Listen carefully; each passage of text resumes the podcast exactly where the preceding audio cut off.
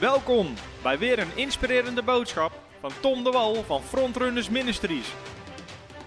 We bidden dat je via deze aflevering geïnspireerd wordt in je leven met God en opgebouwd wordt in je geloof. Ik wil gaan het woord van God, maar voordat we dat gaan doen, gaan we even bidden. Dus weet je, strek je handen gewoon uit, stel jezelf open. Halleluja. Dank u, Vader. Ibragana hosolamandra digasanta. Heilige Geest, u onderwijst ons in alle dingen. Heer, we zijn u zo dankbaar voor uw Heilige Geest. Het is de Geest die het woord laat leven. Heer, we vragen u vanavond ook om het woord te pakken in ons hart te zaaien, zodat we nooit meer hetzelfde zullen zijn. Heer, we bidden ook voor een geest van geloof en de gave van geloof, dat terwijl het woord gepreekt wordt. Heer, we weten vaak de doorbraak zit in het woord, want u zegt u zal de waarheid kennen en de waarheid zal je vrijzetten. Heer, daarom bidden we mensen openbaring krijgen over waarheid. We zullen wandelen in de waarheid. Halleluja. Dank u, Heilige Geest, dat u dat doet. Dat het woord honderdvoudig vrucht zal dragen, omdat het zal landen in goede aarde. En dat ons leven nooit meer hetzelfde zal zijn in de machtige naam van Jezus. Als je gelooft dat hij dat doet, geef hem een groot applaus. Halleluja. Halleluja. Halleluja. Het woord verandert je leven. Amen. Pak je Bijbel er eens bij, want we gaan hem gebruiken vanavond. Voor de mensen die mij een beetje kennen. Kijk, bij Johan hoef je geen Bijbel mee te nemen. Die praat zo ontzettend snel en die leest al die teksten zo snel dat je toch geen zin hebt om het op te zoeken. Want voordat je het opgezocht hebt, is je er alweer doorheen.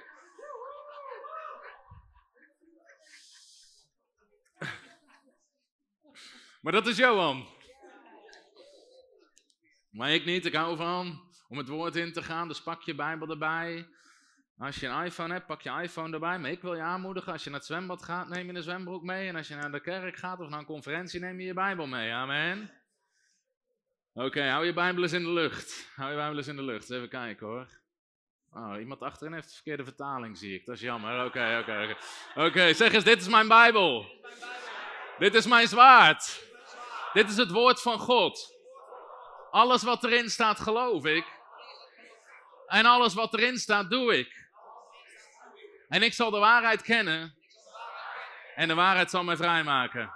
Halleluja. Amen, amen, amen. Ik ben God zo dankbaar voor zijn woord. Zijn woord heeft mijn leven veranderd. Nou, vanavond gaan we het uiteraard ook weer hebben over geloof. Weet je, geloof is net een spier. Geloof is net een spier. Ik heb een jasje aan, dus mij kan je het niet zien, maar bij Johan kan je die dingen wel zien. En, uh, maar geloof is een spier. Hoe meer je het gebruikt, hoe groter het wordt. Dat is de gelijkenis van het mosterdzaadje. Niet dat het heel klein moet blijven. Een zaadje moet je zaaien, zodat het het grootste wordt.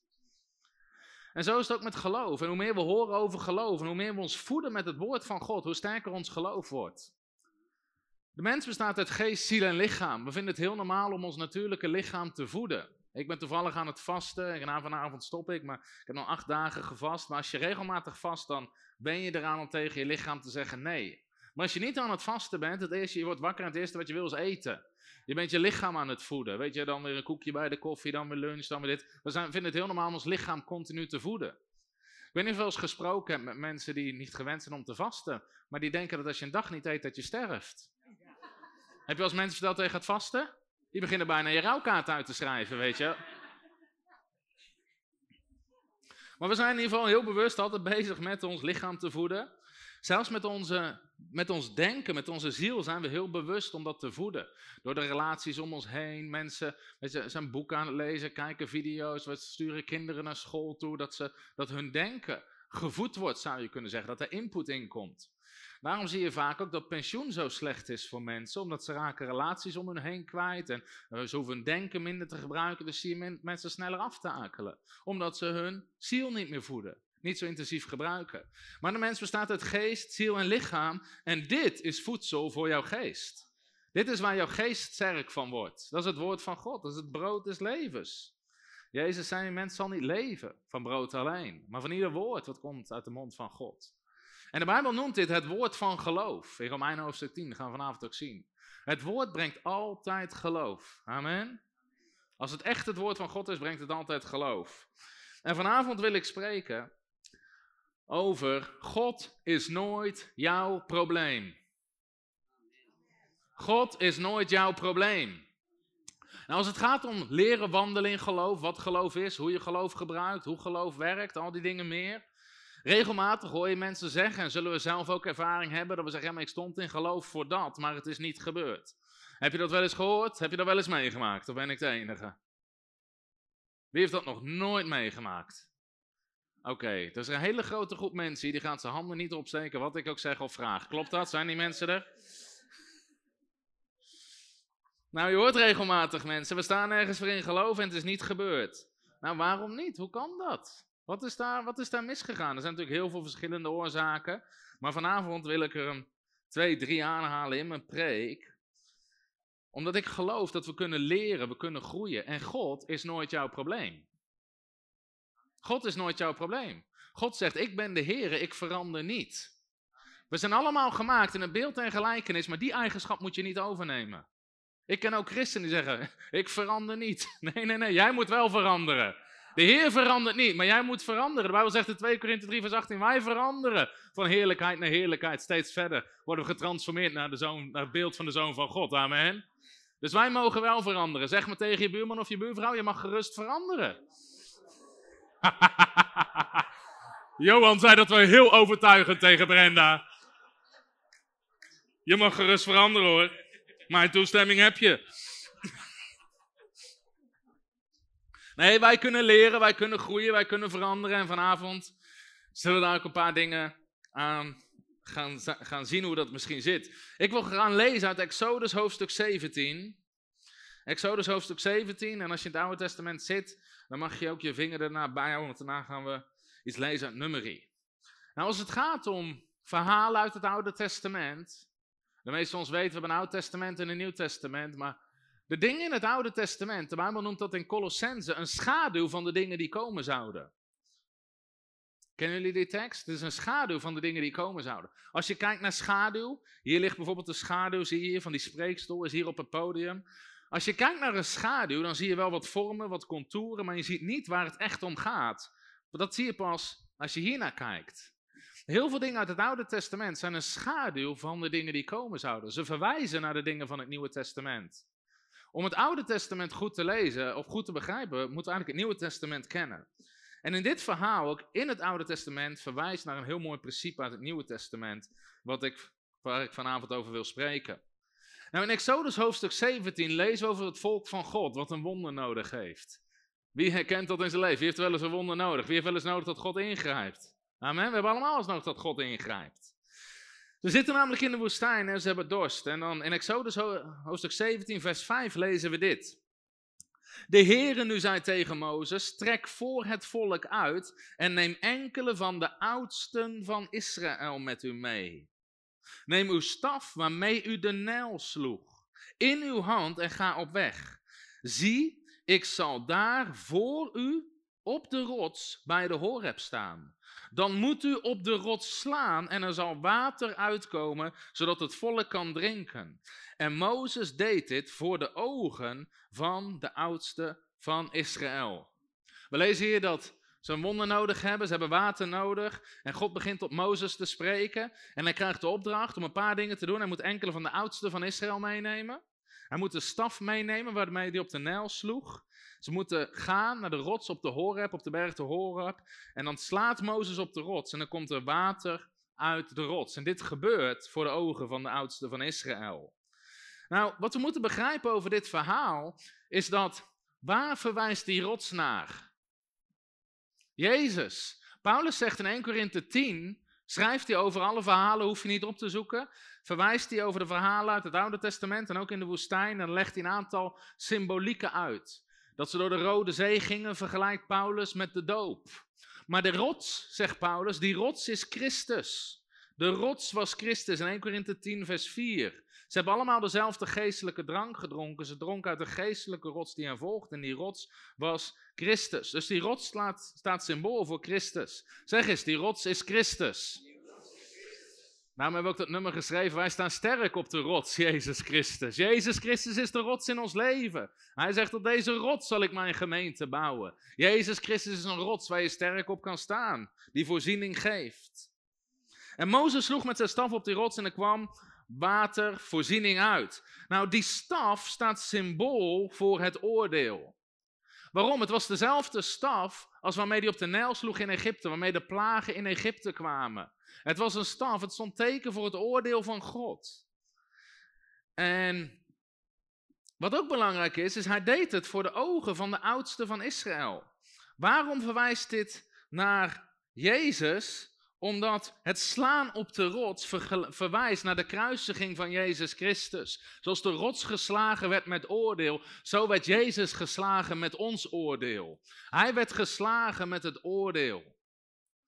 En de Bijbel zegt dat Jezus werd geslagen voor de oudste van Israël. In Matthäus 27, en hoeven we nou niet te lezen, maar daar staat dat de oudste van Israël, voor de ogen van de oudste van Israël, werd Jezus mishandeld en werd hij gekruisigd om het oordeel te dragen. De rots werd geslagen met een staf, maar Jezus werd geslagen, hij werd gemarteld en hij droeg het oordeel van God. En zoals de rots voorziening bracht, zo heeft Jezus voorziening gebracht in ons leven. Amen. Alle voorziening en met voorziening bedoel ik alles wat God geeft, is terug te brengen voor ons op het offer van Jezus Christus. Amen. Dus deze rots verwijst naar het leven van Jezus Christus. Zoals er voorziening was op de berg Horeb door de rots, zo was er voorziening voor ons 2000 jaar geleden op Golgotha door het offer van Jezus Christus die het oordeel droeg en de voorziening bracht. Maar, wat gebeurt er nu? Vele jaren Nadat Mozes de rots heeft geslagen met de staf, hebben ze opnieuw een wonder nodig. En dat gaan we lezen in Nummerie hoofdstuk 20. Nummerie hoofdstuk 20.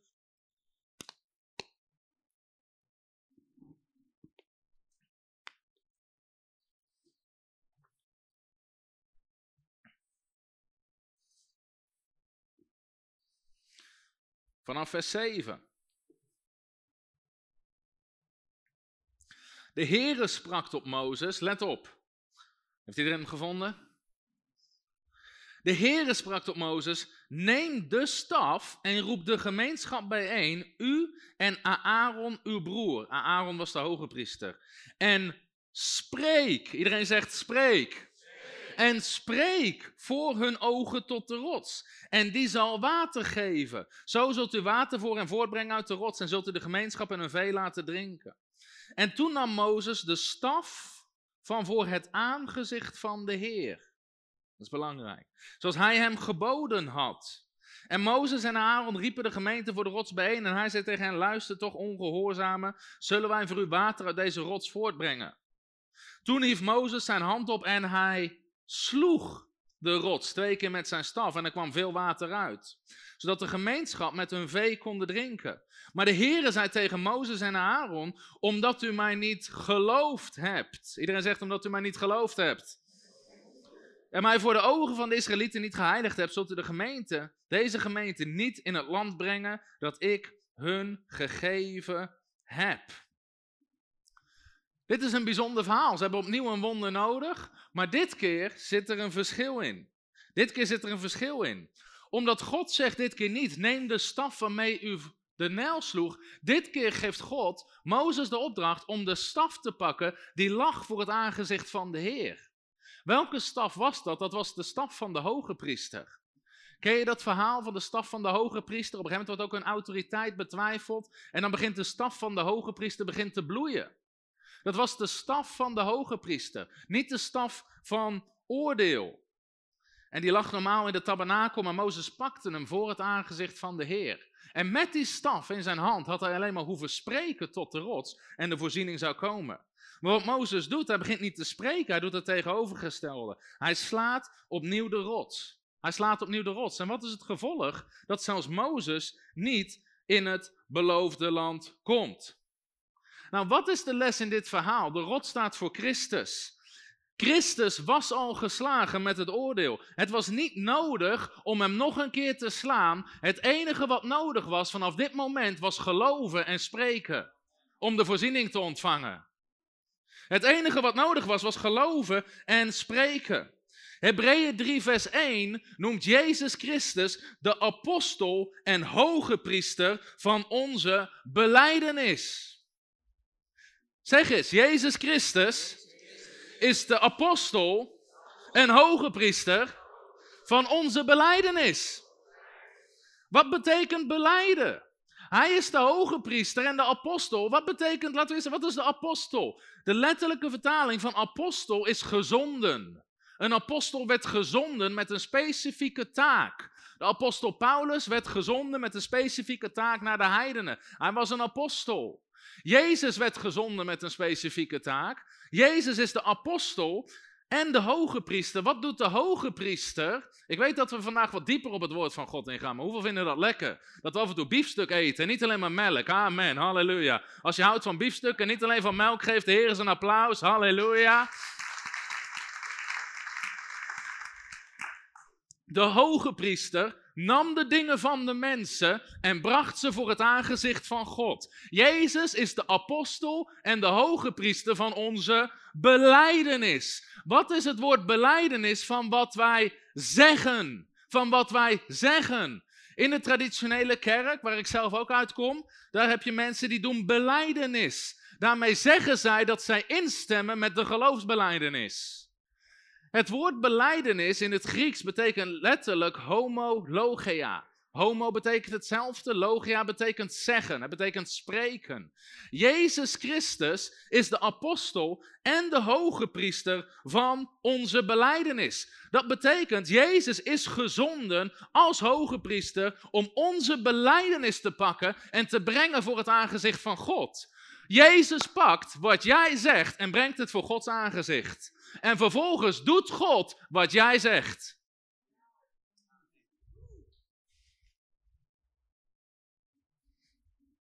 We hebben het eergisteren gehad over Marcus 11, vers 23 en 22. Heb geloof in God. Want voorwaar ik zeg u, wie tegen deze berg zal zeggen, wordt opgeheven in de zee en niet zal twijfelen in zijn hart, maar zal geloven dat wat hij zegt gebeuren zal, het zal gebeuren wat hij zegt. God luistert naar wat jij zegt. Nummer 14, vers 28 mag je even opzoeken. Nummer 14, vers 28. Als het goed is, zit je er vlakbij, want tenzij je Hebreeën ook hebt opgezocht. Maar nummer 14, vers 28. God had tegen het beloofde land. God had gezegd dat ze het beloofde land in konden nemen. Op een gegeven moment sturen ze die verspieders uit en dan gaan de tien. Tien die komen terug, twaalf verspieders. Tien komen terug zeggen: We kunnen het niet, moeilijk, lastig, te zwaar. Die reuzen zijn te sterk. Allemaal smoesjes, hebben mitrailleurs, weet ik veel wat ze allemaal verzonnen. Allemaal ongeloof. Jozua en Caleb zeiden: We kunnen het land innemen. En het volk zegt: Oh, we kunnen het niet. Let op wat God zegt, nummer 14, vers 28. Zeg tegen hen, zo waar ik leef, spreekt de Heer, voorwaar. Dat is al duidelijk. Zo waar ik leef, God zweert bij zichzelf, spreekt de Heer. Ik zal met u doen zoals u ten aanhoren van mij gesproken hebt. De MBV zegt letterlijk, ik zal doen wat jij zegt. God doet wat jij zegt. Jezus is de hoge priester van onze beleidenis de apostel en de hoge priester. Hij is gezonden door God als hoge priester, als middelaar tussen God en ons. Maar waarmee hij werkt, of door wordt beperkt, is onze beleidenis. Is wat wij zeggen. Is waar wij mee instemmen. Of wat wij tegenspreken. Dit is mijn punt. Jezus heeft alles al volbracht. Hij is de rots die op Golgotha geslagen heeft. Toen Jezus klaar was, riep hij: Het is volbracht. Hij heeft de vloek gedragen. Hij heeft de zegen gebracht. Hij heeft je zonde gedragen, je ongerechtigheden. Hij heeft ziekte gedragen. Hij riep: Het is volbracht. Het is zo belangrijk dat mensen weten wat Christus allemaal heeft volbracht. Want veel mensen denken dat Jezus slechts, met alle respect, slechts gestorven is voor onze zonde. Hij is gestorven voor onze zonde, maar dat is een aspect ervan. Het was een middel. Je moest vergeven worden van je zonde om je terug te brengen bij de Vader, om vervolgens alles in bezit te nemen wat de Vader voor je heeft. Amen. Heel veel mensen denken dat het het eindstation is. Maar het is het begin om je terug te brengen bij de Vader. En nu je eenmaal bij de Vader bent, mag je alles in bezit nemen wat God voor je heeft. Daarom zeggen ze wel eens: het koninkrijk van God is van binnen groter dan van buiten. Als je eenmaal binnen bent, is alles voor jou. Romeinen 8 zegt: Als God zijn enige zoon gegeven heeft, zal u niet met hem alle dingen schenken. Sommige mensen denken dat God problemen heeft met dingen. Ik zei al, vorig jaar predikte een preek op de Great of Faith over hoe je in geloof kan staan. En ik vertelde voorbeelden ook. Hoe we soms gewoon praktisch. We hadden een auto nodig, ging in geloof staan voor een auto. Ik had geen horloge meer, ging in geloof staan voor een, voor een horloge. En ik kreeg die dingen. En iemand zette eronder, is dit Bijbels geloof? Dit gaat allemaal over dingen. Ja, dat is Bijbels geloof en dat gaat over dingen. Als God zijn enige zoon gegeven heeft, heeft hij geen moeite om u alle andere dingen erbij te geven. Amen. Het geloof nu is de zekerheid van de dingen die we hopen en het bewijs van de dingen die we nog niet zien. Marcus 11, vers 24. Alle dingen die u bidden begeert. Woe! Zijn er mensen soms gewoon blij met dingen? Wie is er blij dat hij een onderbroek om zijn kont heeft? Amen. Jouw onderbroek is een ding.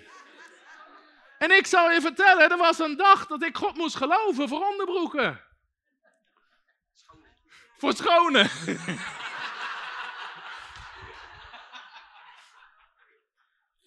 Maar toen God voor mij vroeg om te leven uit geloof, heel veel kennen het verhaal, maar ik had, niet eens, ik had niet eens geld om kleding te kopen. En ik stond voor mijn kledingkast en ik deed boodschappen bij de Heer. Ik stond gewoon voor mijn kledingkast. Heer, ik heb drie t-shirts nodig, twee spijkerbroeken en een paar onderbroeken. En vergeet de onderbroeken niet. Amen. Een onderbroek is een ding. Wie is er hier dankbaar dat hij een auto heeft? Steek je hand eens in de lucht. Een auto is een ding. Wie is er dankbaar dat je in een huis woont? Een huis is een ding. Je kan geloven voor dingen. Kijk, deze man hier, zij ging in geloof staan met zijn vrouw voor een huis. Want ze konden geen huis kopen. Iedereen zei, weet je, de huizenmarkt is slecht, gekte. En volgens mij sprak je vrouw koken dan, sprak met Femke. En Femke zei, je moet je dingen bekendmaken bij God, je wensen. En wat je doet, is je gaat, je gaat ervoor in geloof staan. En ze gingen in geloof staan, ze wilden in een specifieke straat wonen. Ze deden door iedere brievenbus, deden ze volgens mij een kaartje, willen een huis kopen. En ze hebben een huis gekocht onder de vraagprijs. Iemand die ze het gunde, een huis is een ding en voor een ding kan je God geloven. Halleluja, amen. Christus heeft de prijs betaald. Waarvoor? Ten eerste gewoon voor onze zonden, onze ongerechtigheden, onze ongehoorzaamheid. Halleluja, dat is het beste nieuws. Je bent vergeven, gerechtvaardigd en geheiligd.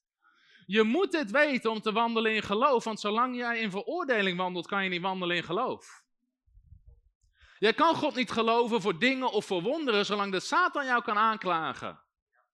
Dat je, onge, dat, je, dat je niet rechtvaardig bent, dat je niet vergeven bent, dat je niet geheiligd bent.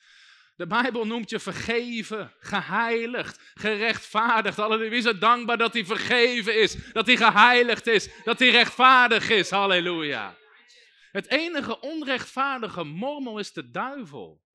En hij probeert zijn identiteit op jou te plakken, terwijl jij in Christus bent, een nieuwe schepping, het oude is voorbij gegaan, halleluja. Jij bent de gerechtigheid van God in Christus Jezus, halleluja.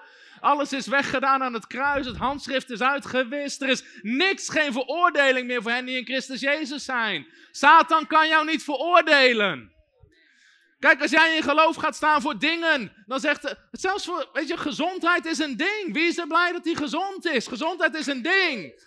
Maar als jij in geloof staat, gaat staan voor je gezondheid, dan zal de duivel, als je niet weet dat je rechtvaardig bent, je proberen aan te klagen.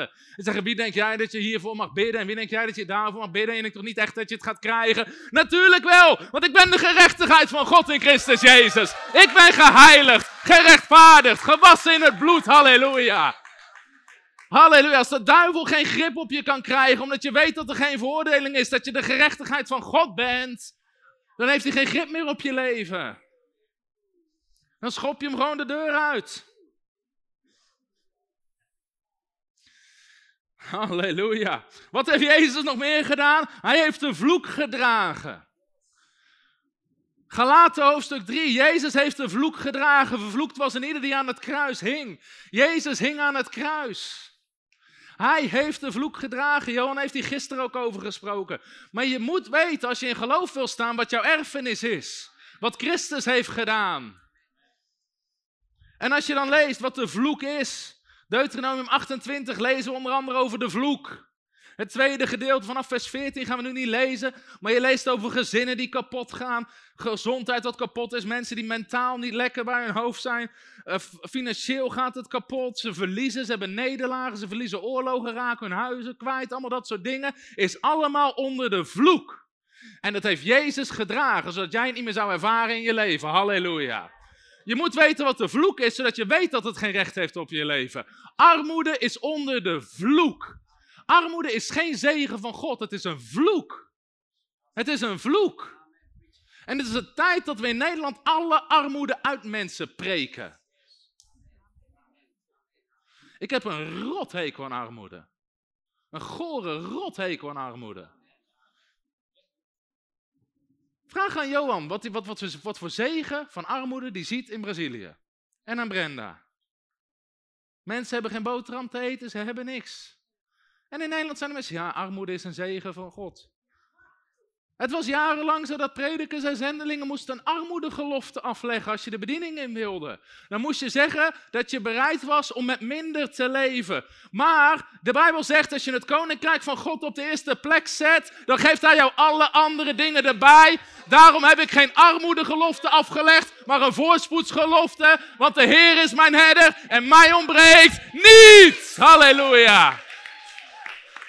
En als ik jou was, zou ik ook maar snel een voorspoedsgelofte afleggen. Ik zweer voor God dat ik voorspoedig zal zijn. Halleluja. 2 Korinthe 8. Dit moet je zien in het woord. 2 Korinthe hoofdstuk 8. Dit is ook zo'n tekst waar ze niet over durven te preken. Of waar ze een andere wending aan geven. Halleluja. I preach myself happy. Halleluja. Woehoe. 2 Korinthe hoofdstuk 8, vers 9. Als je hem gevonden hebt, zeg je prijs de Heer. 2 Korinthe 8, vers 9. U kent de genade van onze Heer Jezus Christus. Dat Hij omwille van u, voor jou, arm is geworden. Terwijl Hij rijk was. Ten eerste was Jezus rijk in de hemel. Maar ten tweede was Hij nog rijk op de aarde. Zodra hij geboren werd, werden goud, zilver, mieren werden hem gebracht. Hij had een eigen huis, hij droeg een dure mantel, hij had iemand die zijn geld beheerde, Judas. En Judas was een dief en mensen merkten niet eens dat er geld weg was. Als er geld weg was en ze merkten het, hadden ze ongetwijfeld ruzie gemaakt. Ze maakten al ruzie om hele andere dingen. Jezus veranderde water in de beste wijn, hij vermenigvuldigde voedsel. Jezus was niet arm. De schatbewaarder van Herodes, iemand die al het vermogen van Herodes, die over het hele land regeerde, beheerde, zijn vrouw gaf aan Jezus zijn bediening. Lucas hoofdstuk 8, vers 1 tot en met 3. Gaan we nu niet lezen? Jezus was niet arm. Maar waar werd hij arm? Dat hij omwille van u arm is geworden. Waar werd hij arm? Aan het kruis. Alles werd van hem afgepakt. Hij had geen kleren meer aan. Hij hing daar naakt. Het enige wat hij had was een dorenkroon. Een kroon van dorens. En dorens is een teken van de vloek. Hij droeg de vloek. Hij had helemaal niks. Hij was arm. Waarom deed hij dat? Hij is omwille van u arm geworden terwijl hij rijk was, opdat u door zijn armoede. Oké, nu de andere helft. Terwijl hij rijk was, opdat u door zijn armoede rijk zou worden. Mensen zeggen, ja, maar dat is geestelijk. Jezus hing niet geestelijk aan het kruis, hij hing fysiek aan het kruis voor jou. Halleluja. Hij was daar niet alleen geestelijk arm, hij was fysiek arm. En het hele hoofdstuk en het hoofdstuk daarna gaat over financiën. Daarom zegt Filippenzen 4, vers 19: Mijn God zal voorzien in alles wat u nodig hebt, overeenkomstig zijn rijkdom in heerlijkheid in Christus Jezus. De zegen van Abraham is op je gekomen. Ik heb een tijd terug nog het hele leven van Abraham zitten bestuderen. En elke zegen in Abraham's leven opgeschreven. En gezegd, die is van mij, en die is ook van mij, en die is ook van mij, en die is ook van mij, en die is ook van mij. Want als ik de zegen van Abraham heb, moet ik weten wat de zegen van Abraham is. Omdat ik er anders niet kan geloven, kan, niet kan geloven en niet kan hebben. En weet je wat je nodig hebt om de zegen van Abraham te ontvangen? Het geloof van Abraham. Laten we volgen in de voetstappen van het geloof van Abraham, Romein hoofdstuk 4. Wat is dat voor geloof? Het is het geloof wat spreekt tegen de rots. Het is het geloof wat Gods belofte gelooft. En het spreekt, zoals Abraham al zei, ik zal een vader zijn van vele kinderen. Hij wandelde in gehoorzaamheid en hij ontving al Gods beloftes. Halleluja. Met het, zeg eens, met het geloof van Abraham ontvang je de zegen van Abraham. Halleluja. Maar er is nog meer goed nieuws. Halleluja. Jezus droeg onze ziekte aan het kruis en door zijn striemen is jouw genezing geworden. Halleluja. Jezaja 53 zegt het. Matthäus 8, vers 17 zegt het nog. Speciaal voor alle theologen die logen. Want die zeggen altijd, ja, maar dat is geestelijk, dat hij onze ziekte droeg. Daarom heeft God in zijn woord in Matthäus 8 gezegd dat hij genas allen die er slecht aan toe waren. Die mensen waren er niet geestelijk slecht aan toe. Die waren kreupel, blind, verlamd, doof, hadden allerlei ziektes. Hij genas allen die er slecht aan toe waren. Opdat vervuld werd wat gesproken was door de profeet Jezaja. Door zijn striemen zijn wij genezen. Hij heeft onze ziekte gedragen. En uiteindelijk na de kruisiging, deze mag je opzoeken in 1 Petrus 2, en misschien heb je hem honderd keer gelezen en lees je hem nou honderd en eerste keer. Is dat een woord? Weet ik niet. 101. 2 Petrus. Of, 1, even kijken hoor. 1 Petrus 2, vers 24. 1 Petrus 2, vers 24. Daar staat dit die zelf onze zonde in zijn lichaam gedragen heeft op het hout, opdat wij voor de zonde dood, voor de gerechtigheid zouden leven. Door zijn striemen gaat u genezen. Staat dat er? Nee, door zijn striemen bent u genezen. Dit is het ding, God heeft het al gedaan. Hij heeft het al gedaan. Hij heeft het al gedaan. Daarnaast heeft Jezus de duivel en alle demonische machten verslagen aan het kruis. Er is geen duivel meer die autoriteit heeft over jouw leven. Zo vaak komen mensen voor gebed en zeggen: Ik heb last van een demon. Het zou andersom moeten zijn: een demon wordt last te hebben voor jou. Hoe kan dat ding bij jou zijn? Hij wordt zich zo te irriteren aan alles wat je zegt, wat je leest, wat je doet, dat hij zegt: Ik vertrek hier gratis, zoek het maar uit. Ik zoek een ander. Halleluja. Amen. Dit is de laatste dag dat je last hebt gehad van demonen. Vanaf nu hebben demonen last van jou. Halleluja. Halleluja. Hij heeft de duivel al verslagen. Jezus zei, mij is gegeven alle macht in hemel en op aarde. Niet mij wordt gegeven, mij is gegeven alle macht in hemel en op aarde. Daarom zegt Efeze 1, vers 3: Geprezen zij God, onze, de Vader van onze Heer Jezus Christus, die ons gezegend heeft met alle geestelijke zegen in de hemelse gewesten in Christus Jezus. Je hebt het al. Je hoeft er niet meer voor te werken, je hoeft er zelfs niet voor te bidden, want je hebt het al. Het enige wat je moet gaan doen is erin gaan wandelen en erin gaan geloven en het gaan spreken. Dat is het enige wat je hoeft te doen. De zegen van Abraham heb je al. Jij bent heer van alles. Daar heeft Johan over gesproken. Galaten 4, vers 1. Ik zeg echter, zolang de erfgenaam. We zijn erfgenaam van alles. Wat is een erfenis waar Christus voor gestorven is? Waar staat wat de erfenis is? In het testament. Wie heeft er een testament in de Bijbel zitten? Halleluja, daar staat in wat jouw erfenis is. Zolang de erfgenaam een onmondig kind is. Dat betekent aan de ene kant nog onvolwassen, zolang hij het nog niet weet, verschilt hij in niets van een slaaf, hoewel hij heer is van alles. Jij kan erfgenaam zijn van alles, maar als je het niet weet, doe je er niks mee.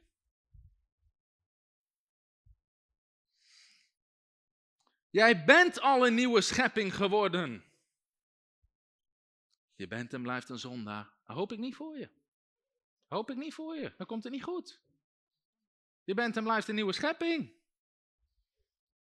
Ik ben een vergeven zondaar. Nee, je bent of vergeven of een zondaar, maar er zit niks tussenin. Een vergeven zondaar is een soort bestaat niet. Want een vergeven zondaar is een nieuwe soort. En die nieuwe soort heet een nieuwe schepping. En voor de nieuwe schepping is oude voorbij gaan en alles nieuw geworden. Amen. Halleluja. Het ding is, de hele erfenis is al gegeven. Wanneer is het gegeven? Toen Christus stierf aan het kruis en opstond uit de dood. Amen. Dit is zo'n goed nieuws. Alles wat jij nodig hebt in je leven is al gegeven. Wat jij morgen nodig hebt is al gegeven. Wat jij volgende week nodig hebt is al gegeven. Wat je de maand erna nodig hebt is al gegeven. Het is al gegeven. De demon die je morgen tegenkomt is al verslagen. De demon die je volgende week tegenkomt is al verslagen. De demon die jou volgend jaar probeert te blokkeren is al verslagen. Het is al verslagen. De nood die jij misschien volgende maand tegenkomt is al voorzien. Halleluja. De, maand, de nood van volgende maand of van volgend jaar is al voorzien. Halleluja. Het is al gebeurd. De ziekte die jou probeert aan te vallen in je lichaam volgende week, die is al genezen.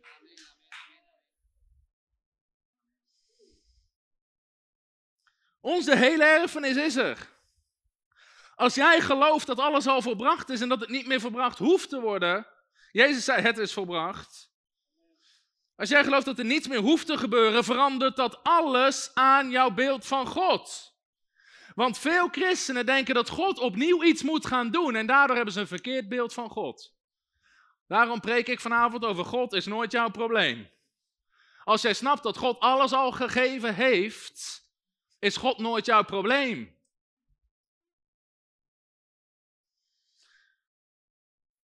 En dit is het ding. Als wij denken dat God opnieuw nog iets moet doen, wat we aan het doen zijn, we zijn de rots opnieuw aan het slaan. We zijn die rots opnieuw aan het slaan. Er moet iets gebeuren, er moet iets gebeuren. Nee, wat jij moet doen is geloven en spreken.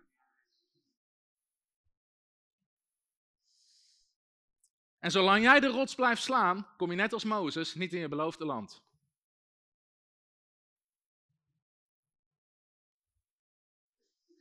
Mozes kwam niet in het beloofde land omdat hij dacht dat hij de rots moest slaan in plaats van geloven en te spreken.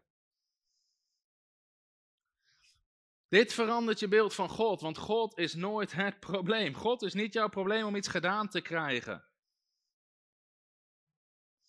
Ik ga een aantal voorbeelden geven van vragen of dingen die je mensen hoort zeggen. Waarom heeft God broeder Dick niet genezen? Waarom heeft God niet voorzien toen in dat project met weeskinderen? Waarom is die geestelijke strijd toen verloren? Waarom heeft God niet voorzien voor die lieve zendeling met zijn kinderen in hun financieel tekort? Dit is het ding. God is nooit het probleem. Zeg eens, God is nooit het probleem. Zeg eens, God is nooit mijn probleem. Zeg eens tegen je buurman of je buurvrouw, God is nooit jouw probleem. Want God is de oplossing. En hij heeft het al opgelost.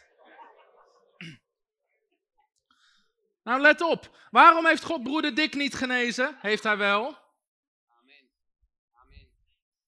Waarom heeft God broeder Dick niet genezen? Heeft hij wel? Of denk je dat die broeder Dick is vergeten aan het kruis en toen die striemen in zijn rug werden geslagen? Was hij toen broeder Dick vergeten? Nee? Waarom heeft God broeder Dick niet genezen? Heeft hij wel? Waarom heeft God niet voorzien, bijvoorbeeld in dat project met die weeskinderen? Heeft hij wel? Heeft hij wel? Hij, hij heeft al voorzien in alles wat je nodig hebt. Je hebt de zegen van Abraham al. Hij is al arm geworden opdat jij rijk zou worden. Heeft hij wel? Waarom heeft God toen niet die geestelijke strijd laten winnen? Heeft hij wel? God zij dank, 2 Korinthe 2 vers 14, die ons in Christus altijd doet triomferen. Altijd doet triomferen. Ik heb het woordje altijd bestudeerd in het Grieks, het Hebreeuws en het Latijns en dat betekent altijd. God zij dank die ons in Christus altijd doet triomferen. God heeft ons, Romeinen hoofdstuk 8, meer dan overwinnaars gemaakt. Er staat niet, God gaat ons meer dan overwinnaars maken. God heeft ons meer dan overwinnaars gemaakt. Bovendien zegt 1 Korinthe, hoofdstuk 10, zegt God staat niet toe dat jij verzocht wordt boven wat jij aan kunt. Staat hij niet eens toe. Dus waarom heeft God hen niet laten winnen? Heeft hij wel. Waarom heeft God toen niet voorzien voor die zendeling met zijn kinderen met financieel tekort? Heeft hij wel. De zegen van Abraham was al van hun. Ze waren al in alles gezegend. Ze zijn in alles rijk geworden. Ze zijn heer van alles en de Heer is hun herder en hun breekt niks. Hij heeft het wel gedaan. Overzien, zegt Psalm 34, vers 11. Jonge leeuwen lijden armoede en honger, maar wie de Heere zoeken, hebben geen gebrek aan enig goed. Halleluja. Het is onmogelijk om Jezus op de eerste plaats te zetten en op de laatste plaats te eindigen.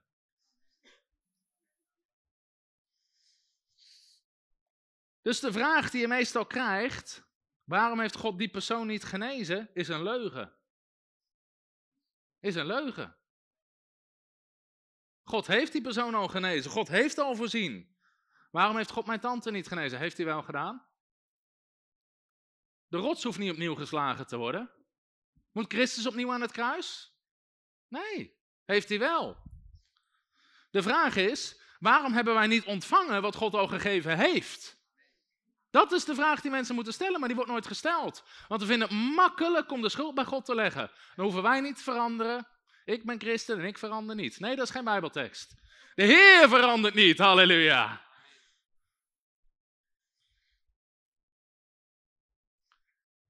Nou, dat is hetzelfde als ik. Johan zou hier eens op het podium willen zitten op de rand. Het is het zwaard, broer. Als ik mijn Bijbel op Johan zijn schoot leg. En hij pakt hem niet beet met zijn handen. En Johan zit daar. Waarom heeft Tom zijn Bijbel niet aan mij gegeven? Waarom heeft Tom zijn Bijbel niet aan mij gegeven? Heb ik wel? Heb ik wel? Hij heeft hem nog niet gepakt. Hij heeft het nog niet gepakt. God heeft alles al in jouw schoot gelegd. De vraag is, heb je het al gepakt? Hoe pak je het? Door geloof. Hij moet gewoon zeggen, dankjewel. Maar ik wil hem wel graag terug. Amen. Ik weet niet eens of Johan een Bijbel heeft. Hij doet alles uit zijn hoofd. Is je dat opgevallen? Misschien heeft hij er geen. Jawel hoor. Jawel hoor. Lekker.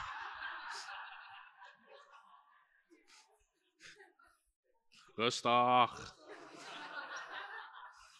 Voor christen is het rustdag. Nou, God heeft ons met zijn zoon alle dingen geschonken. Dit is het ding. God hoeft niets meer te doen, maar Jezus is nu de hoge priester van onze beleidenis. Amen. Wij ontvangen het door geloof. Je mag meegaan naar Romeinen hoofdstuk 10. Halleluja. Wie is er nu al opgebouwd in zijn geloof? Oeh, God is nooit jouw probleem. Dat is goed nieuws. Heel veel mensen denken dat God hun probleem is. Die zijn de rots aan het slaan. Hopen dat God iets gaat doen. Geloven dat God iets gaat doen.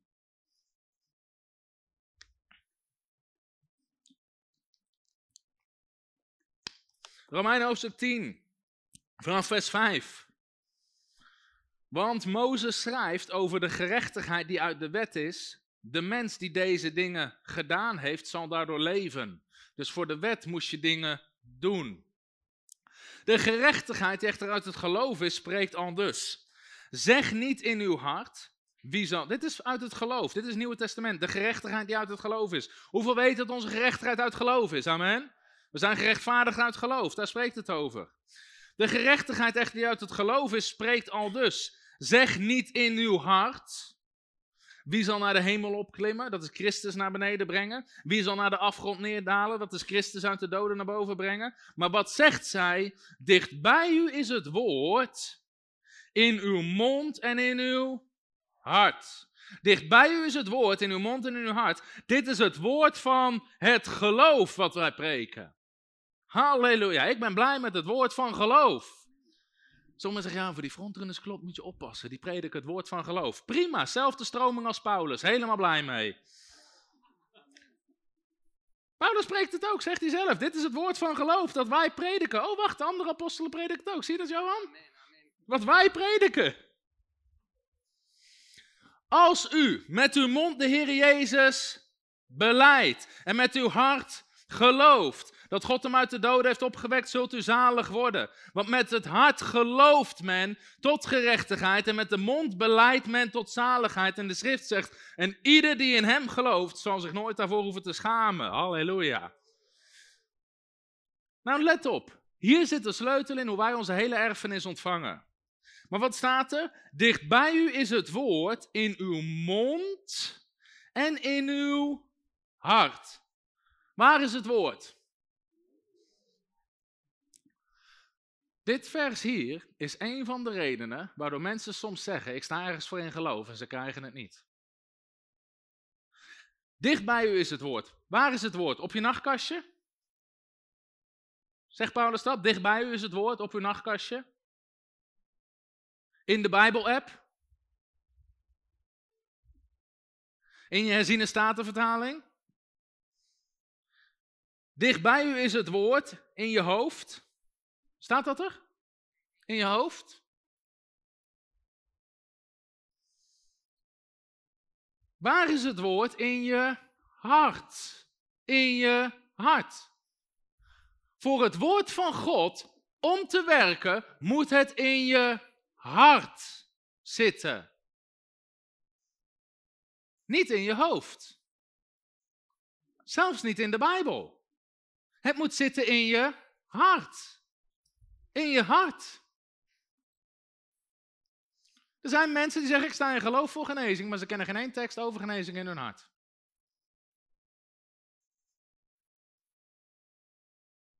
Echt waar. Ik heb het zo vaak meegemaakt. Maar we stonden echt in geloof voor genezing. Oh ja, wat zegt de Bijbel dan over genezing? Uh, ja, um, uh, ja stond er niet iets in Malachi of zo? Of, Weet je waarom het niet werkt? Het wordt zo niet in je hart. Het wordt zo niet in je hart. Dat het in je hart zit, betekent dat je erbij kan met je ogen dicht. Schrijf dat maar op. Als het woord in je hart zit, betekent dat dat je erbij kan met je ogen dicht. Toch? Of heb jij je ogen nodig om je hart te bereiken?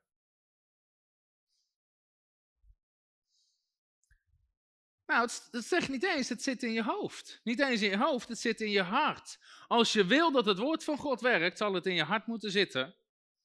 En vervolgens uit je mond moeten komen. Dit is het ding. Ik kan niks doen, Johan Toet kan niks doen, Jezus kan niks doen en zelfs God de Vader kan niks doen voor christenen die het woord niet in hun mond en in hun hart hebben zitten. Je kan bidden tot je in ons weegt. Ik zou beter kunnen zeggen, je kan vasten tot je in ons weegt. Je kan bidden tot je handen vastzitten en je ogen dicht blijven. We kunnen handen op je leggen tot mijn vingerafdruk in je voorhoofd staan. Maar het gaat niet werken zolang het woord niet zit. Zie je, wat, zie je dat het woord van God details geeft? Het zegt waar het woord moet zitten. Het zegt waar het woord moet zitten. In je hart en in je mond. En ik heb goed nieuws. Johan, kom eens even naast me staan. Johan, hoe lang heb je drugs gebruikt? 15 jaar. Als Johan na 15 jaar nog steeds het woord in zijn hart kan hebben, dan kan jij het ook. Amen, amen.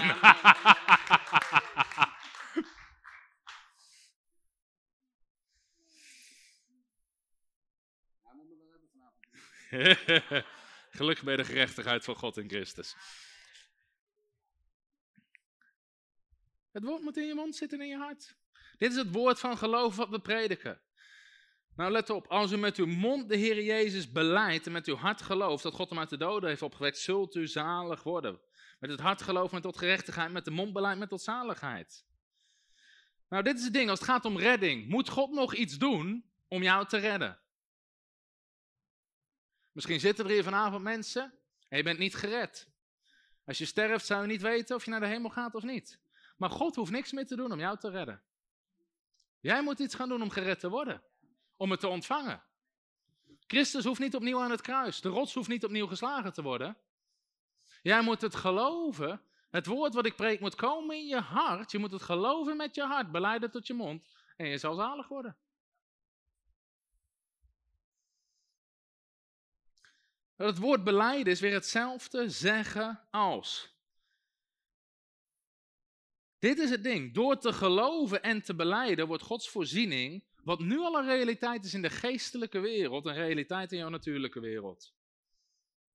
Is Gods redding voor iedereen een realiteit in de geestelijke wereld? Amen. Voor iedereen. Het, God heeft het al gedaan.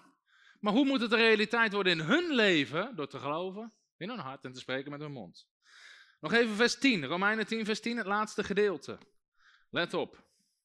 Met de mond beleidt men tot zaligheid. Tot zaligheid. Waarom is dit zo belangrijk? Dat woordje tot geeft aan dat jouw beleidenis iets doet.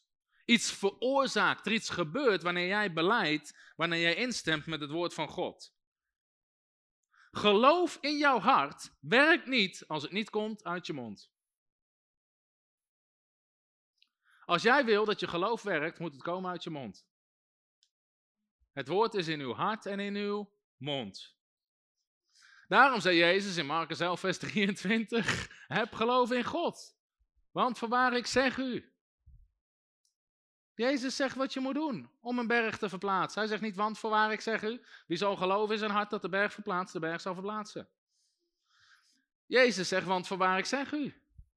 Wie tegen deze berg zal zeggen, wordt opgeheven en in de zee geworpen.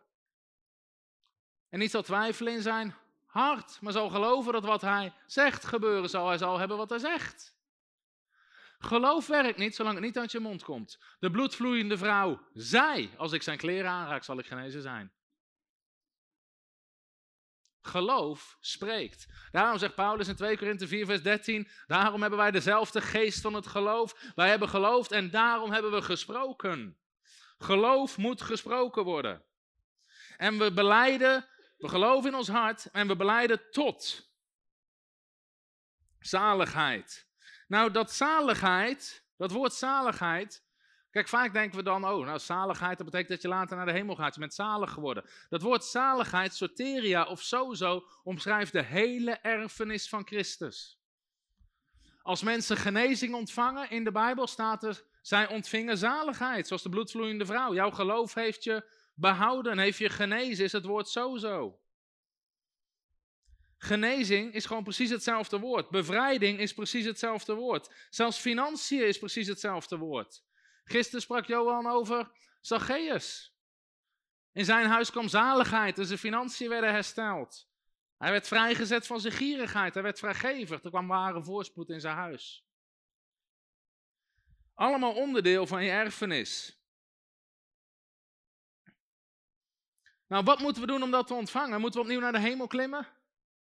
Moet de rots opnieuw geslagen worden? Door te geloven met je hart en je beleid tot zaligheid. Tot zaligheid. In andere woorden, jouw beleidenis veroorzaakt jouw erfenis.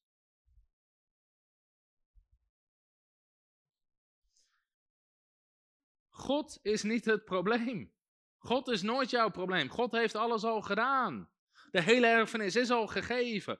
Maar nu, het woord is in jouw hart en het woord is in jouw mond. En je gelooft in je hart en je beleidt met je mond tot zaligheid. Ik weet niet hoe lang het bij jou geleden is. Bij mij is het meer dan tien jaar geleden. Maar er was dat moment dat ik beleed tot zaligheid, tot redding en vergeving van zonde. Dat ik uitsprak, Heer, ik geloof u als Heer en Verlosser. En wat ontving ik op dat moment? Zaligheid. Maar je beleidt tot zaligheid, dat betekent ook genezing. Jij beleidt tot genezing. Jij beleidt tot voorziening. Jij beleidt tot Gods bescherming. Jij beleidt, je gelooft het in je hart, je spreekt het met je mond en je beleidt tot. Jouw beleidenis veroorzaakt jouw erfenis. De rots hoeft niet opnieuw geslagen te worden. De staf van de hoge priester is in je hand. Jezus Christus is je hoge priester en je apostel. Wat je nu moet doen is spreken en geloven. Je moet spreken en geloven.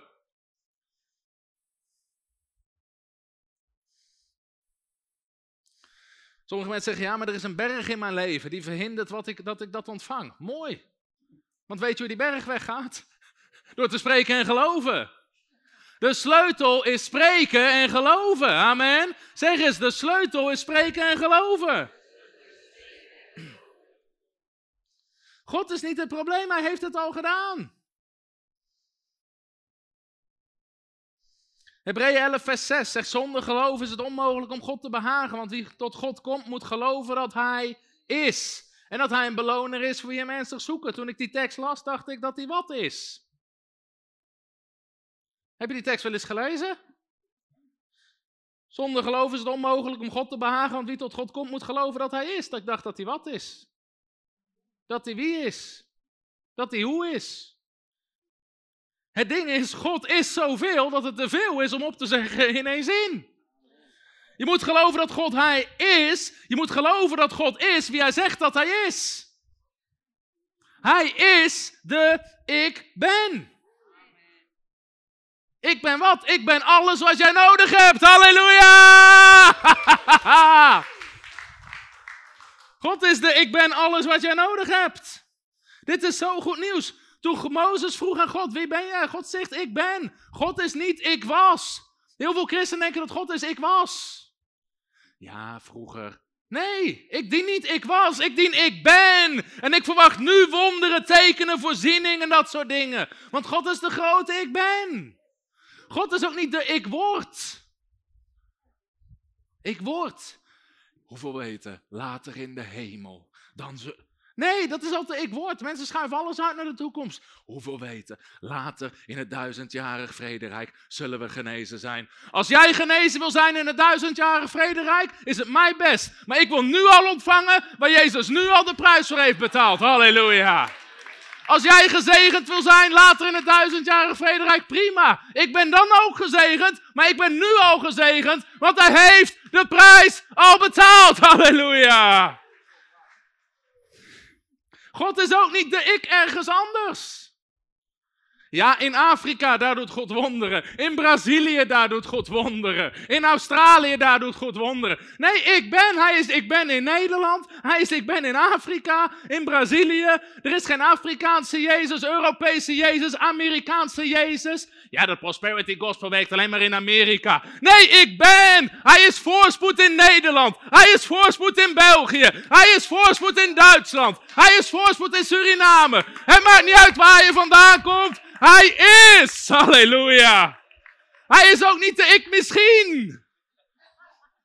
Misschien geneest hij. Nee, hij heeft het al gedaan. Hij is de ik ben. Zeg eens, God is de ik ben. Ik ben, hij is Jehovah Rapha, jouw geneesheer. Ik geloof niet meer dat God geneest. Ik geloof niet dat hij zijn naam veranderd heeft. Want ik heb geen naamswijziging gekregen in mijn bus. Ik heb ook geen adreswijziging gekregen. Vanaf nu doe ik alleen nog werk in Afrika. Nee, ik geloof God in Nederland. Halleluja. Ik ben Jehovah Rapha. Ik ben Jehovah Jireh. De Heere onze voorzienaar. Halleluja. Ik ben Jehovah M. Kadesh, de Heere die heiligt. Hij is mijn heiliging. Ik heb geen heiligheid uit mezelf, maar in hem zijn we geheiligd. Halleluja. Jehovah Tzidkenu, de Heere onze rechtvaardigheid. Jehovah Roi, de Heere onze herder. De Heer is mijn herder, mij ontbreekt niets. Halleluja. Woehoe. Jehovah Gibor, de Heere machtig in strijd en overwinning. Halleluja. Dat is die. Hij is niet veranderd. Hoeveel weten dat we soms winnen en soms verliezen? Nee! Hij is de Heere machtig in strijd en overwinning. Jehovah Shalom, de Heere onze vrede. Het maakt niet uit wat je omstandigheden zijn, want ik ben is vrede. Waar jij ook bent. Halleluja. Ik ben El Shaddai, God de Almachtige, voor wie niets onmogelijk is. Dat is God en hij heeft zijn naam niet veranderd. Zeg eens tegen je buurman of je buurvrouw, hij heeft zijn naam niet veranderd.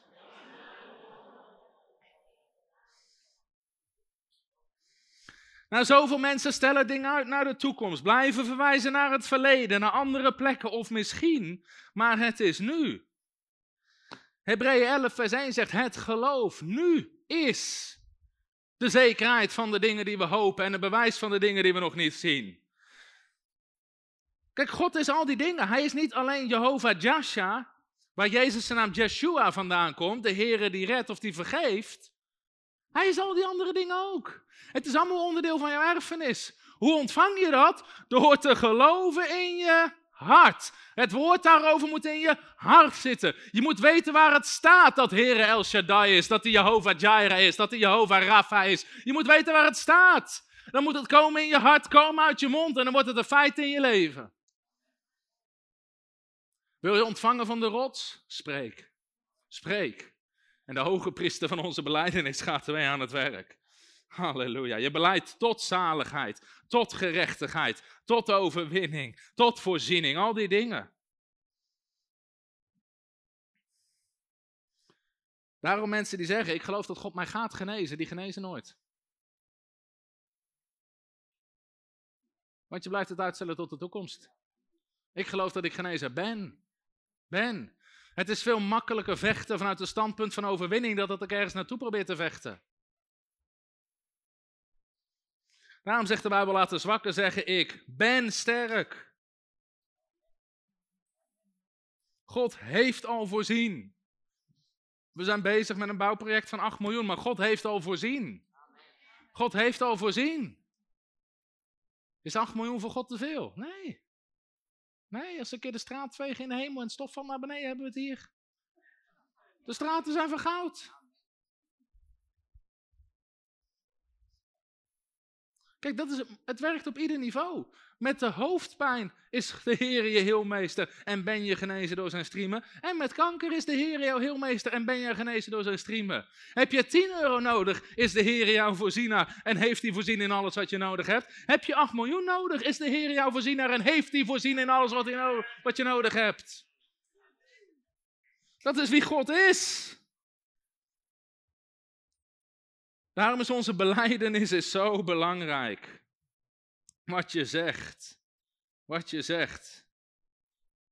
Ook de psalmist David. Kijk, David proclameert heel vaak. Hij zei: De Heer is mijn herder. Mij ontbreekt niets. Hij doet mij. Hij maakt het persoonlijk.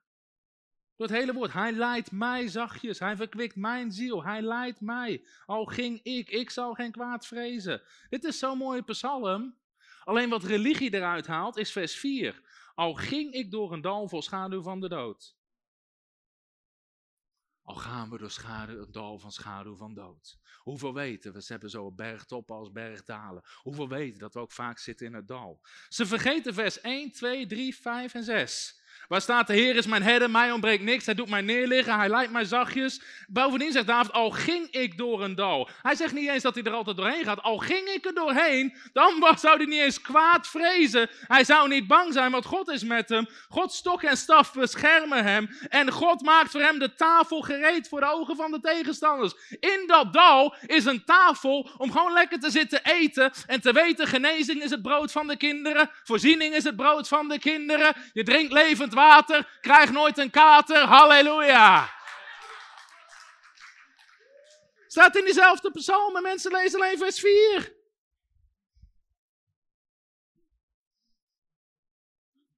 Oh, wat doet God nog meer in dat dal? Hij zalft je hoofd met olie, je beker vloeit over. Als God blijft schenken, die gaat gewoon door. Ik heb, mijn kinderen hebben er nu nog last van. Maakt niet uit, water in de beker zit op de tafel, op de grond.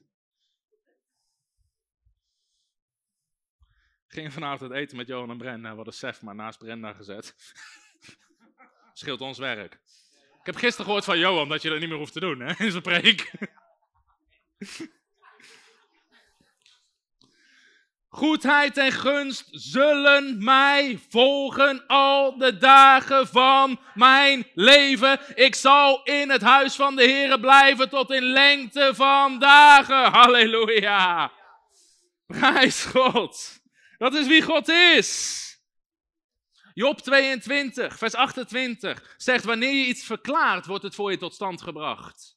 Het is tijd om dingen te verklaren, om te spreken tegen de rots, om te beleiden tot zaligheid.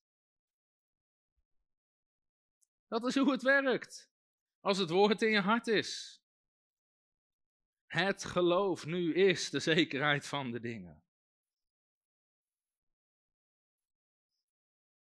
Er staat niet het geloof nu wordt, het geloof nu was. Het is. Laatste tekst die we gaan lezen en dan gaan we afsluiten. Marcus 11, vers 24. En ik weet ook in mijn geest wat we moeten doen om het af te sluiten. Kijk, dit is het ding. Ik heb van de week iets ontdekt in de Bijbel. Dat als prediker mag je meerdere keren afsluiten, Johan. Paulus zegt in een van zijn brieven, uiteindelijk broeders, komt er een heel verhaal. En dan zegt hij tenslotte broeders, en dan gaat hij weer verder. Halleluja, bijbels. Alle predikers zijn bijbels, amen. Oh. Dit is het ding. Zodra, zolang het om geestelijke zaken gaat, vinden we het makkelijk om te ontvangen. Hè? Vergeving van zonde, want we hoeven het niet te zien. Vinden we makkelijk om te geloven dat we het ontvangen hebben. Zie je, geloof, God heeft al voorzien. Amen. Het geloof nu is. Hebreeën 11 vers 1, de zekerheid van de dingen die men hoopt. Het is nu al de zekerheid. Je weet al zeker dat je het hebt. Je weet zeker dat je hebt wat je hoopt. En je hebt een bewijs van wat je nog niet kan zien. Dat is geloof. Nou, met vergeving vinden we dat makkelijk. Want iedereen zegt, ik geloof dat ik vergeven ben. Als iemand naar mij toe, of mensen zeggen, ik geloof dat ik gered ben. Ik geloof dat Jezus mijn zonde vergeven heeft. Als iemand naar mij toe komt en die zegt, ik geloof dat God mij gaat redden, zeg ik, dat is geen geloof. Wat is dat? Hoop. Misschien in de toekomst. Sterker nog, ik zou zeggen tegen die persoon, je moet haast maken. Want je weet niet wanneer de Heer terugkomt en je weet ook niet wanneer je leven van je gevraagd wordt. Je kan blijven zeggen, ik geloof dat God me gaat redden, sterven en niet gered zijn. Amen? Ik geloof dat God mij op een dag wel mijn zonde zal vergeven. Nee, je moet nu geloven. Maar zodra mensen dat zeggen over genezing, vinden mensen prima. Ik geloof dat God mij gaat genezen. Oh ja, die persoon heeft echt geloof. Nee, die persoon heeft echt hoop. Hoop is niet verkeerd. Hoop is stap 1 naar geloof. Want de Bijbel zegt, het geloof nu is de zekerheid van de dingen die we hopen. Dus hoop is goed. Maar je moet nu, is, nu al, de zekerheid. Je moet het nu al zeker weten dat je hebt wat je hoopt. Dus daarom zegt de Bijbel, we wandelen door geloof, niet door aanschouwen. Zie als ik zeg, dit is de laatste tekst die we lezen, doe ik alle teksten daarvoor uit mijn hoofd. Amen.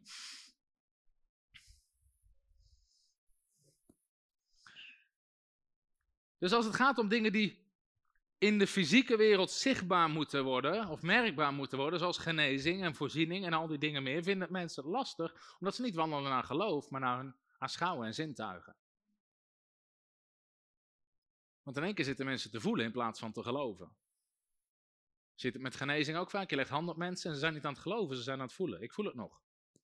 De vraag is niet wat je voelt, de vraag is wat je gelooft. Daarom zeg ik altijd, vertel je geloof niet wat je voelt, vertelt je gevoel wat je gelooft.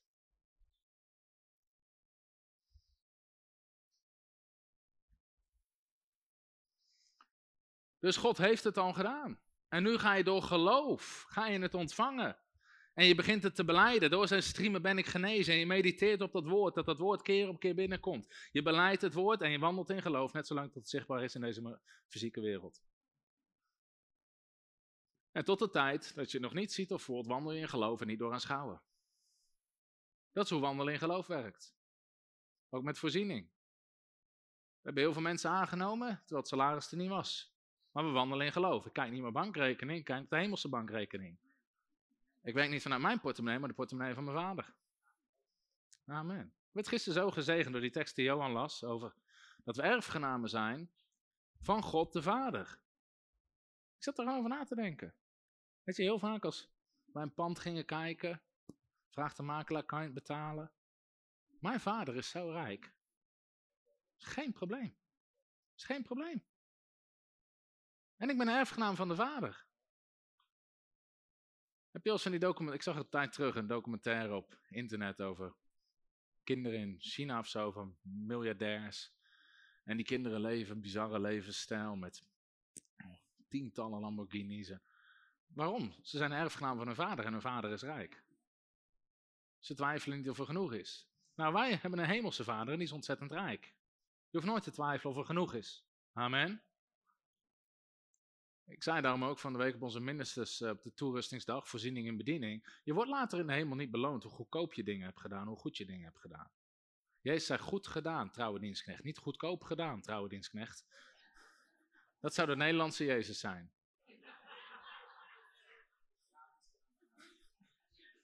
Goedkoop gedaan, trouwe dienstknecht. We hebben echt vaak mensen gehad Rol zit weer in de zaal, onze office manager geweest, is nu voor zichzelf begonnen. Maar er kwamen mensen op kantoor met andere bedieningen. En zeiden, waar halen jullie die spullen vandaan? Van de winkel. Verkopen ze aan iedereen. Maar ze denken dat ze het van de kringloop moeten halen. of tweedehands of moeten krijgen. Ik ben bij mensen op kantoor geweest van bedieningen en eh, die hebben acht verschillende soorten bureaus. De ene zo hoog, de ene paars, de andere groen, de andere dit, de andere zo. Die drie poten, die één poot, die geen poot. Ligt gewoon een plaat op de grond, maakt niet uit. En die denken dat Jezus later tegen ze zegt, goedkoop gedaan, trouwe dienstknecht. Jezus is niet bezorgd hoeveel geld je bespaart. Hij is bezorgd hoeveel zielen je wint en mensen je discipelt. Amen. En het maakt hem niet uit wat het kost. Want hij heeft alles al gegeven, hij heeft zijn leven gegeven, maakt hem niet uit wat het kost. Oké, dan ga ik nu naar de laatste tekst die ik ga lezen, Marcus 11. Vers 22. Kom op, denken we dat we hier nog iets nieuws uit kunnen halen? En ik wil hem lezen uit de MBV. Even kijken of dat ik die ook. Of die op de. Staat niet op de Bijbel-app. Heeft iemand de MBV? Heeft iemand de MBV? Zijn jullie allemaal bekeerd? Als ik met mijn hoofd doe, heb ik de TDW, de Tomderwal-vertaling. Mag ik de MBV lenen van iemand? Dankjewel, Sjoerd.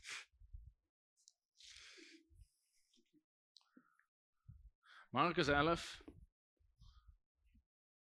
vanaf vers 22. Ik zou over deze tekst zouden we een jaar kunnen preken. En dan nog steeds nieuwe dingen eruit halen. Mijn eigen Bijbel is het makkelijker zoeken met al die kleurtjes. Het zijn gewoon richtingsaanwijzers. Nou, de MBV zegt in vers 22, heb vertrouwen in God. De HSV zegt, heb geloof in God. In de grondtekst staat er, heb het geloof van God. Heb het geloof van God. Waarom? Wat is Gods soort geloof? Is geloof wat gelooft en spreekt en het gebeurt. Heb het geloof van God. Jij moet geloven dat als jij gelooft en spreekt, het gebeurt. Heb het geloof van God. Weet je dat het niet moeilijk is om het geloof van God te hebben, want het is enige soort geloof wat God heeft. Ja, en hij geeft het aan jou als je zijn woord leest. Dan komt geloof. We hebben allemaal de mate van geloof. Dus het is niet moeilijk om het geloof van God te hebben. We hebben allemaal het geloof van God. Zeg eens, ik heb het geloof van God. Waarom? Toen jij geloofde in je hart dat Jezus Heer was en beleidde met je mond, ontving je het. Toen gebeurde het. Amen. Dus jij hebt het geloof van God. En nu mag je dat ook gaan toepassen op andere dingen. Zeg nog eens, ik heb het geloof van God. Halleluja. Halleluja. Ik verzeker jullie. Jezus de verzekeringsagent. Ik verzeker jullie. Niet Tom de Wal verzekert je? Ik verzeker jullie. Als iemand. Wie valt er in de categorie iemand? Steek anders in de lucht. Als iemand tegen, je praat niet over, je praat tegen, die berg, je praat tegen jouw specifieke berg, zegt, kom van je plaats en stort je in de zee en niet twijfelt in zijn hart. Waarom twijfel je niet in je hart? Wat zit er in je hart? Het, het woord en geloof. Met het hart gelooft men. Dicht bij u is het woord, in uw hart. Jouw hart zit helemaal vol met het woord en met geloof. Er is geen ruimte voor twijfel. Nou, misschien verleidt de duivel jou om te twijfelen in je hoofd. Maar verleid worden om te twijfelen is niet hetzelfde als twijfelen. Daar gaan veel mensen de mist in. Zeggen ze, oh ik heb getwijfeld, werkt niet. Verleid worden om te twijfelen is niet hetzelfde als twijfelen. Als jij in geloof staat voor genezing en de duivel fluistert in je oren, zie je deze keer werkt het en je blijft ziek. Denken mensen dat zij het zijn en zeggen ze, oh ik heb getwijfeld, werkt niet. Nee, op dat moment zeg je wel, het werkt wel, door zijn streamer ben ik genezen. Leert iemand iets? Daarom zeg ik u alles waarom jullie bidden en vragen, geloof dat je het al ontvangen hebt. Hebt. En je zal het ontvangen. Daarom zegt er wel niet geloof wordt de zekerheid van de dingen, maar geloof is de zekerheid van de dingen, want je gelooft dat je het al ontvangen hebt.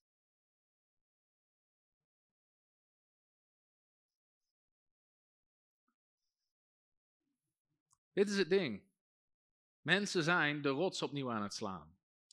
Ze proberen God opnieuw in beweging te krijgen. O Heer, als u het gaat doen. O Heer, als u het doet, als u het doet, als u het doet. Hij heeft het al gedaan, heeft het al gedaan, hij heeft het al gedaan. Hij heeft al voorzien, genezen, bevrijd, verlost. Hij heeft alles al gedaan. Dus de vraag waarom heeft God niet genezen is een verkeerde vraag. Hij heeft het al gedaan. Wilde God die persoon niet genezen? Was het zelfs te laat voor geweest, want hij had het al gedaan. Dus daarom missen mensen het soms. God heeft alles al gedaan. En jij hoeft de rots niet opnieuw te slaan. Daarom zeg ik, God is nooit jouw probleem. Jij hoeft nooit te proberen om God in beweging te krijgen. Wat jij moet proberen is om jouw hart in beweging te krijgen door het vullen met geloof. En wat er daarna in beweging komt is je mond. En wat daarna in beweging komt is de natuurlijke wereld. En je zal, zeggen, je zal hebben wat je zegt. Je beleid tot zaligheid. Ik heb genezing ontvangen door te geloven met mijn hart en te spreken met mijn mond. Ik heb voorziening ontvangen door te geloven. Ik vertelde laatst nog, hadden een tijd terug in een week een ton nodig. Dat is een behoorlijke berg. Maar ik geloofde in mijn hart, God heeft al voorzien. Is, is een ton veel voor God? Nee. Ik zei, Heer, ik geloof voor een ton, ik bid voor een ton, ik geloof dat ik het heb in Jezus' naam, amen. Ik gebied een ton om te komen. En binnen een paar dagen kwam er een ton.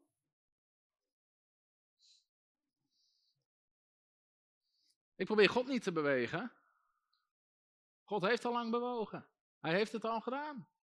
God is nooit jouw probleem. Zeg nog eens tegen je buurman of je buurman, God is nooit jouw probleem. Jij bent al gezegend, genezen, je bent al rijk geworden, je bent gezegend met alle geestelijke zegen, je bent al een nieuwe schepping, je hebt al overwinning. En het goede nieuws is, er is geen duivel, geen demon, geen toverdokter, geen schoonmoeder, geen drugshandelaar, wat dan ook, die dat kan tegenhouden. Halleluja. Prijs God. Hallo, Tom de Wol hier en bedankt dat je weer geluisterd hebt naar onze podcast. Ik bid dat het je geloof gebouwd heeft en je bemoedigd bent. Als je niet alleen een luisteraar van onze boodschap wil zijn, maar ook een verspreider daarvan, wil ik je uitnodigen om partner te worden van Frontrunners. Door jouw maandelijkse donatie help je ons om dit evangelie van Jezus Christus en het woord van God over heel de aarde te brengen. Om partner te worden, ga naar www.frontrunnersministries.nl slash partners en word partner. Hartelijk bedankt en tot snel. Heb je ook zo genoten van deze inspirerende boodschap van Tom de Wal? Abonneer je dan op deze podcast. Volg ons op Facebook en op Instagram en kijk op onze website frontrunnersministries.nl.